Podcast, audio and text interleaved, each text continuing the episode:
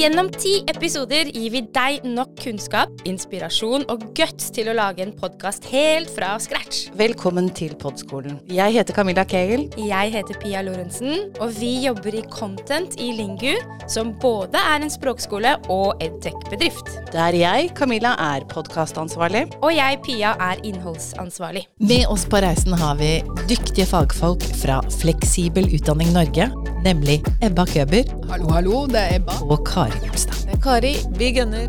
Podskolen er laget av Lingu med støtte fra Epale. En flerspråklig europeisk plattform som er åpen for alle som jobber for voksnes læring. Podkasten din er godt teknisk gjennomført, klippingen er suveren, du har nydelige introer og outroer, og du har laget en vignett det er til å dåne av. Sjelden har du vært så oppslukt og så begeistret. Og så hører du ordet tilbakemelding, så kjenner du at eh, hjertet ditt synker, fordi du vil helst, og det er veldig menneskelig, vil helst slippe å vite hva folk egentlig syns, fordi du har jobbet så innmari hardt. Men eh, dette har du ikke råd til å gjøre. Sånn kan du ikke tenke.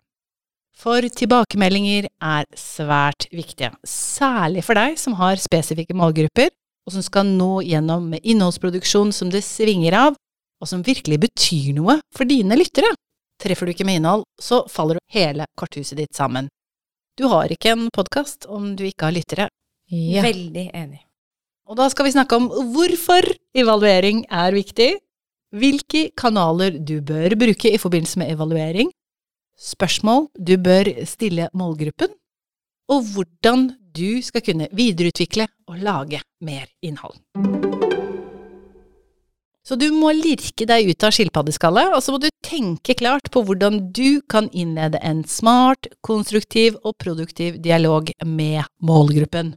Jeg er egentlig, tror jeg, ganske lysten på å få tilbakemeldinger, og ganske glad i å få tilbakemeldinger, men jeg blir så sjenert når jeg kommer til det punktet at jeg sier ta, her er verket mitt, nå vil jeg be deg om å bruke tid på å evaluere meg. Altså, jeg blir mer sjenert for å be folk bruke tid Jeg forventer jo at de skal bruke tid til å lytte til den. Jeg regner jo med at alle kommer til å lytte på denne podkasten, men å be folk om å liksom forplikte seg til tilbakemelding, det føler jeg nesten er å trampe litt. Jeg tenker litt eh, at eh, man kanskje man kan kombinere med både å få en tilbakemelding på podkasten, men også da samtidig spørre om noen tips til nye episoder, sånn at de får litt igjen for det i den veien. Eh, Men absolutt interessant å, å få tilbakemeldinger. Jeg vil, jeg vil stille noen spørsmål, innhente mer informasjon om fremtidige episoder som er av verdi. For det, man sitter jo ikke og lager dette her for sin egen del, man lager jo innhold for en målgruppe. Og faren er jo da, hvis, du, hvis man blir redd for å be om tilbakemeldinger og syns man maser litt, eh, for jeg har følt på den jeg også,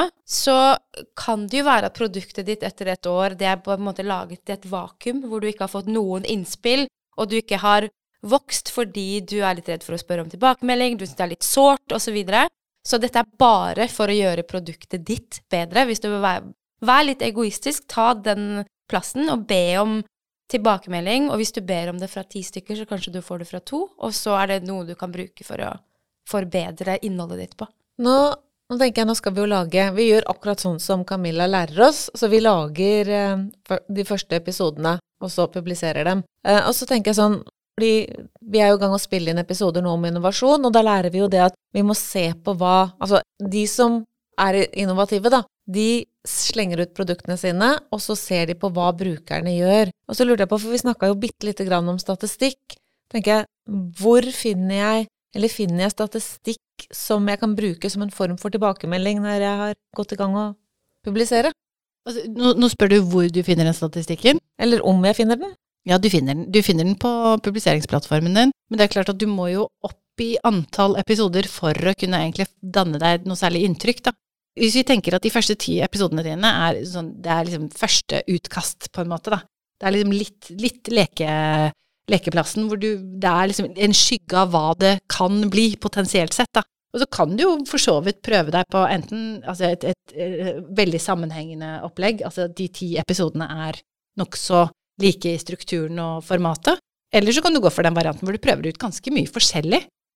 Fordi hvis du prøver ut mange forskjellig, så kan du jo se hva det er som treffer. Mens hvis du lager mye likt av ti episoder, så er det ikke sikkert at du vil innhente like mye data på det. Ok, så når vi da snakker om innovasjon og evaluering, så er det to nøkkelpersoner som eh, bør introduseres her. Og dette er altså fagpersonene som er bak podkasten som heter Rosa begerglass, som er altså en podkast om kjemi for førsteårsstudenter ved NTNU. Og produsentene bak denne podkasten, altså Cecilie Riksem og Gro Bjørnøy, jeg har hatt en, en veldig konstruktiv og veldig informativ samtale med dem, som dere skal nå få høre hvor de først og fremst gir tips basert på sine egne erfaringer, og så får dere høre litt om deres evalueringsprosess. Hei og velkommen, Cecilie og Gro. Ja, jeg heter Gro. Jeg jobber som universitetslektor på Institutt for biologiske fag på NTNU i Ålesund. Jeg har undervist i kjemi så lenge som helst, helt siden 95, tror jeg. Og jeg er litt sånn utålmodig type som liker veldig godt å prøve nye ting og nye undervisningsmetoder osv. I tillegg til kjemi så underviser jeg også i bioteknologifag.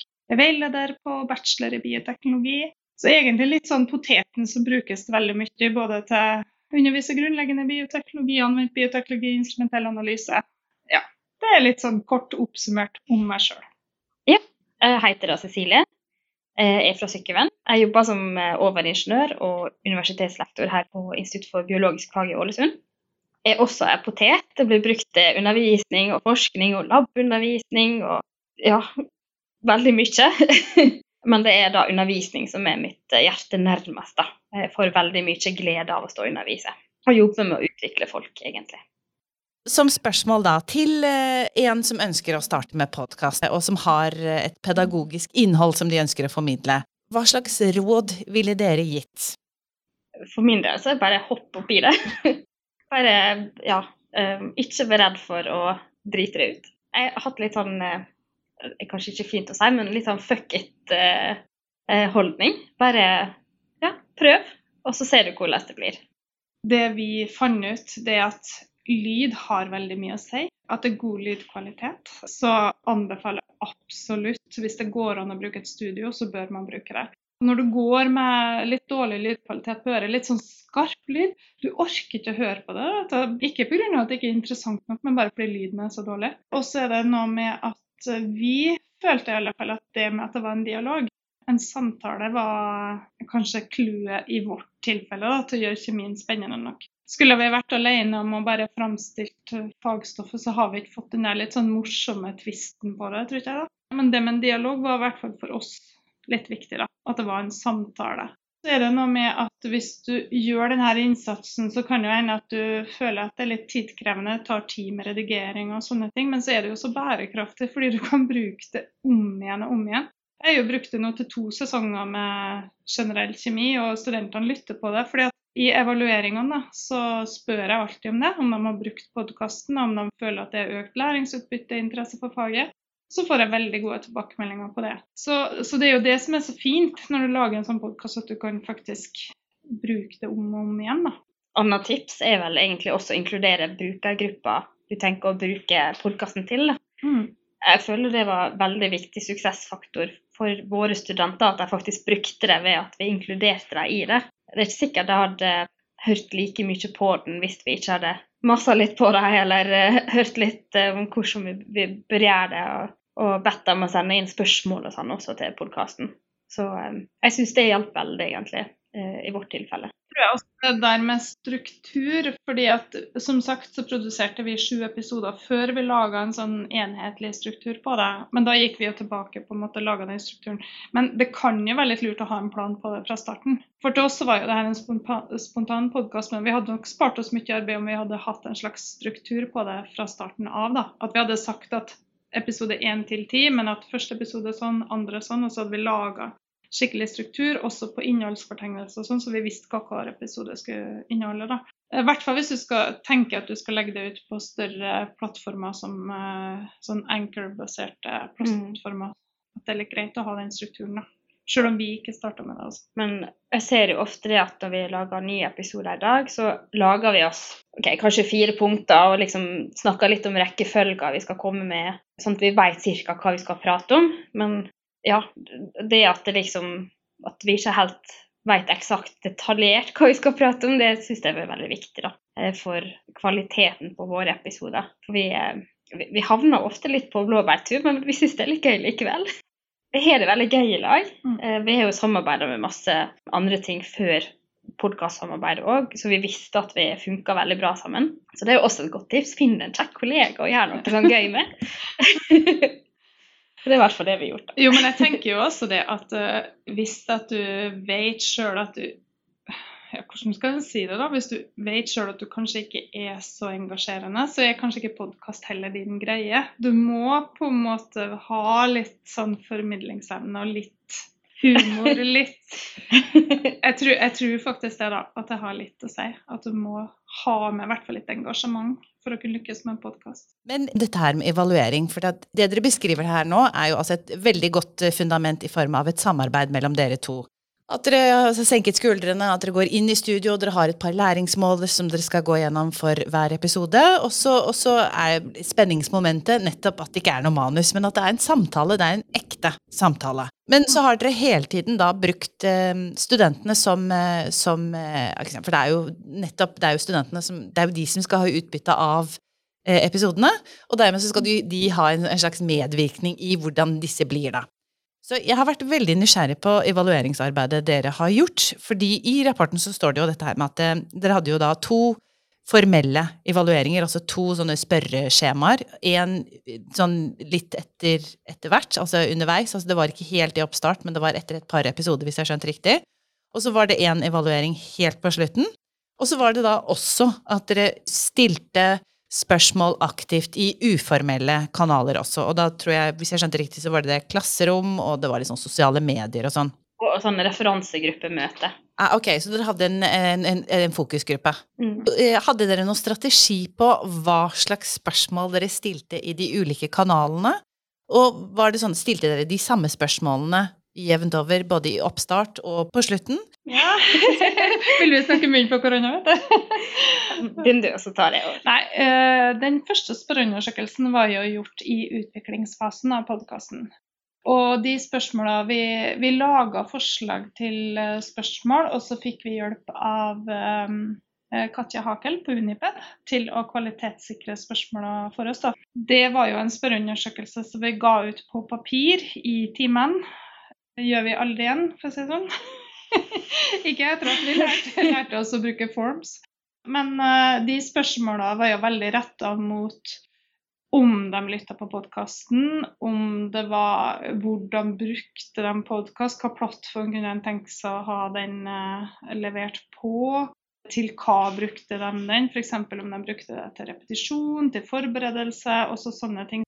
Spørsmåla som var stilt i den første fasen, de var veldig på utvikling av podkast, bruk av podkast og hva de benytta podkasten til. Så den var veldig annerledes fra den som var i fase to. Ja, En annen ting jeg tenkte jeg skulle si om fase 1-undersøkelsen. Vi lagde jo til eh, ganske mange spørsmål på den. Og printa ut og ga til studentene i klasserommet, sånn at vi fikk sikra ganske høy svarprosent. da. Og det gjorde vi på papir, da. Det vi bomma litt på her, var at eh, vi førte det inn manuelt, alle svarene, inn i Excel-ark. Og vi gjorde det så tungrodd og tungvint som overhodet mulig. Så vi lærte veldig at det, det fins lettere måter å gjøre ting på. Også å automatisk skanne inn fra papir og ja. Så um, vi brukte litt mye tid på den første undersøkelsen på en ganske litt unødvendig måte, da. Så vi lærte veldig av det. Det skulle ikke vi gjøre igjen. Men nummer to, da brukte vi heller et digitalt program, Microsoft Forms. Hadde færre spørsmål, men da, da hadde vi jo gått gjennom sesongen og vi ville ha så mer, mer som sluttvurdering fra studentene om den hadde nok effekt. Brukte de den? Endra det på interesser og motivasjonen deres for faget? Så den ble ganske viktig for oss, da, sånn for å evaluere hele podkastsesongen. Mens den i fase én var mer viktig for å finne ut ok, gjør vi det rett nå? ja. Og spørsmålene i, eh, i klasserommet og på sosiale medier, hva slags spørsmål var dere stilte der? Hvordan var de annerledes fra fase 1 og fase 2? Det var litt lausere. Det var mer naturlig prat, vil jeg si. Det hendte jo studentene kom innom kontoret og spurte litt spørsmål, og så begynte de å komme inn på podkasten, og så kom de med sine tilbakemeldinger. Og det var jo litt sånn underveis. Men så hadde vi jo også referansegruppemøte, som jeg sa, der vi tok opp hva tilbakemeldinger de hadde fått gjennom hele klassa da, på podkasten, om de brukte den og ja. Så, og, og, og, da var det et utvalg av studentene som var med i fokusgruppa? Ja, men de representerte hele klassa, da, så de har jo dratt inn tilbakemeldinger fra, fra flere, vil jeg si. Har dere gjort det for hver gang dere har eh, utviklet en sesong, og kommer dere til å gjøre det på nytt igjen når dere slipper eh, de nye episodene ut? For å si det sånn, Jeg brukte jo podkasten i høst. Da var det jo ikke nye episoder, men da var det jo de episodene jeg hadde brukt året før. Og da laga jeg til ei spørreundersøkelse i Blackboard, som er læringsplattformen vår her på NTNU. Der stilte jeg litt de samme spørsmåla, om de brukte podkasten, om de følte at det økte interessen for emnet, og om, øh, om det var med på å øke læringsutbyttet i kjemi, og om de hadde da noen sånne fritekstkommentarer til bruk av podkasten. Så da fikk jeg jo evaluert det fra den studentgruppa, da. Og det, det var jo året etter vi hadde produsert podkastepisodene i generell kjemi, da. Så sånn bruker jeg det, da, på en måte. Jeg innlemmer det i evalueringene av emnet, bare for å få tilbakemelding. Så da blir det jo mer en del av eh, min egen evaluering av emnet, som vi bruker et verktøy som heter Er det Kasper det heter? tror jeg, emneevaluering. Og da legger jeg inn rapportene der, da. Det å gjøre spørreundersøkelser obligatorisk var egentlig kjempesmart. For da får man veldig mye materiale. Får veldig mye gode tilbakemeldinger som på en måte Ja, litt om veien videre. Og hvordan man kan videreutvikle det, da. Cecilie og Gro har skrevet en rapport som du kan finne link til i shownotene. Den anbefaler jeg på det varmeste å lese, vi har lagt den ut tidligere, men den kan aldri legges ut nok ganger. Og dette var bare et kort lite innslag fra en mye lengre samtale som jeg hadde med dem om fagpodkast. Og i andre halvdel av 2022 eh, så vil den da komme ut som en av eh, fem episoder fra Unmuta. Så for deg som er veldig interessert, og som vil høre enda mer om alt det gode som eh, Cecilie og Gro har erfart, så er det bare å glede seg til Unmuta. Ok, men tilbake til dette med evaluering. Studentmedvirkning, altså lyttermedvirkning, det, det er en av de åtte faktorene som Rosa Begerglass nevner i sin rapport, og som er liksom første faktor som de snakker om. Så jeg tror jo veldig på å involvere og engasjere en gruppe lyttere, eller de dere ønsker som dere tenker at dette er en ideallytter. Og så be dem om å følge progresjonen på de ti episodene, og så gi en tilbakemelding. En slags fokusgruppe, rett og slett? Ja, absolutt. I rapporten presenterer Rosa Beger Glass en rekke ulike faktorer for å lykkes med faglig podkast. Og da er det jo åtte stykk, så la oss stanse ved den aller første, som jo ikke særlig overraskende, studentmedvirkning. Og for å vite mer om de resterende syv, så må du jo nesten laste ned rapporten, for det kan vi ikke bruke tid på her, her i denne episoden. Men det ligger en link til rapporten i shownotene. Studentmedvirkning har vært avgjørende for utvikling av podkasten Rosa Beger Glass, og basert på tilbakemeldingene fra studentene justerte de plattform, lengde og innhold på podkasten. Tenk deg det. Plattform, lengde og innhold på podkasten. Det er ganske fundamentale ting. De byttet riktignok fra Classroom til offentlig podkast, men altså de gjorde jo det spranget nettopp fordi det var det studentene etterspurte. De justerte lengde på episodene, og de justerte noe så utrolig som innhold, ikke sant, og det er også ganske interessant. Ja, og et godt eksempel på og, hvor viktig det er å be om tilbakemelding, er jo da Rosa Begerglass, hvis jeg, jeg vet ikke om jeg siterer de helt riktig, men de i noen tidlige episoder så sa de, eller de tenkte da at fun facts var gøy, og at det var det lytterne ville ha.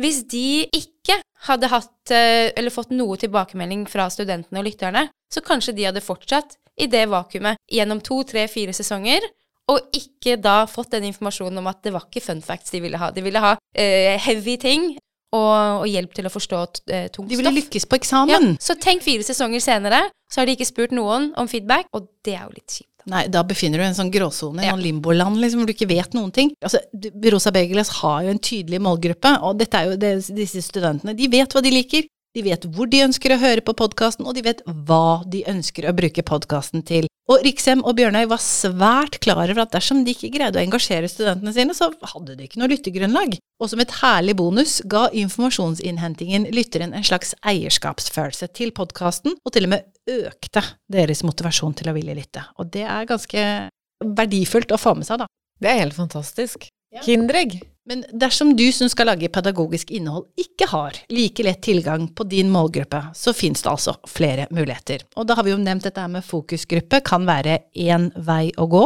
der man ber om konkrete tilbakemeldinger i form av et spørreskjema, altså hvor du innhenter kryss av, altså du kan gjøre det på mange måter. Både i forkant av de tiltenkte ti episodene, men også i etterkant. Altså hva slags forventninger har lytteren til det de skal høre, hvordan blir disse ti episodene, har Eh, episodene innfridd forventninger. Altså, det er mange veier å gå her. Og gode innspill og refleksjoner fra en fokusgruppe kan hjelpe deg på vei til å lage enda bedre innhold.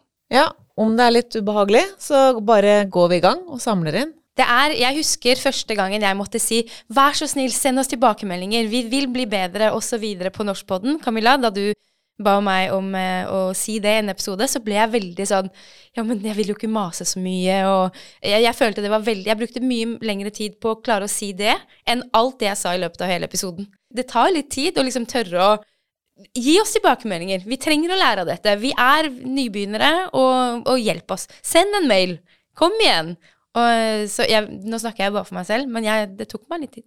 Jeg gjør veldig mye rart i, i norskpodden som jeg egentlig i etterkant blir sånn utrolig flau over.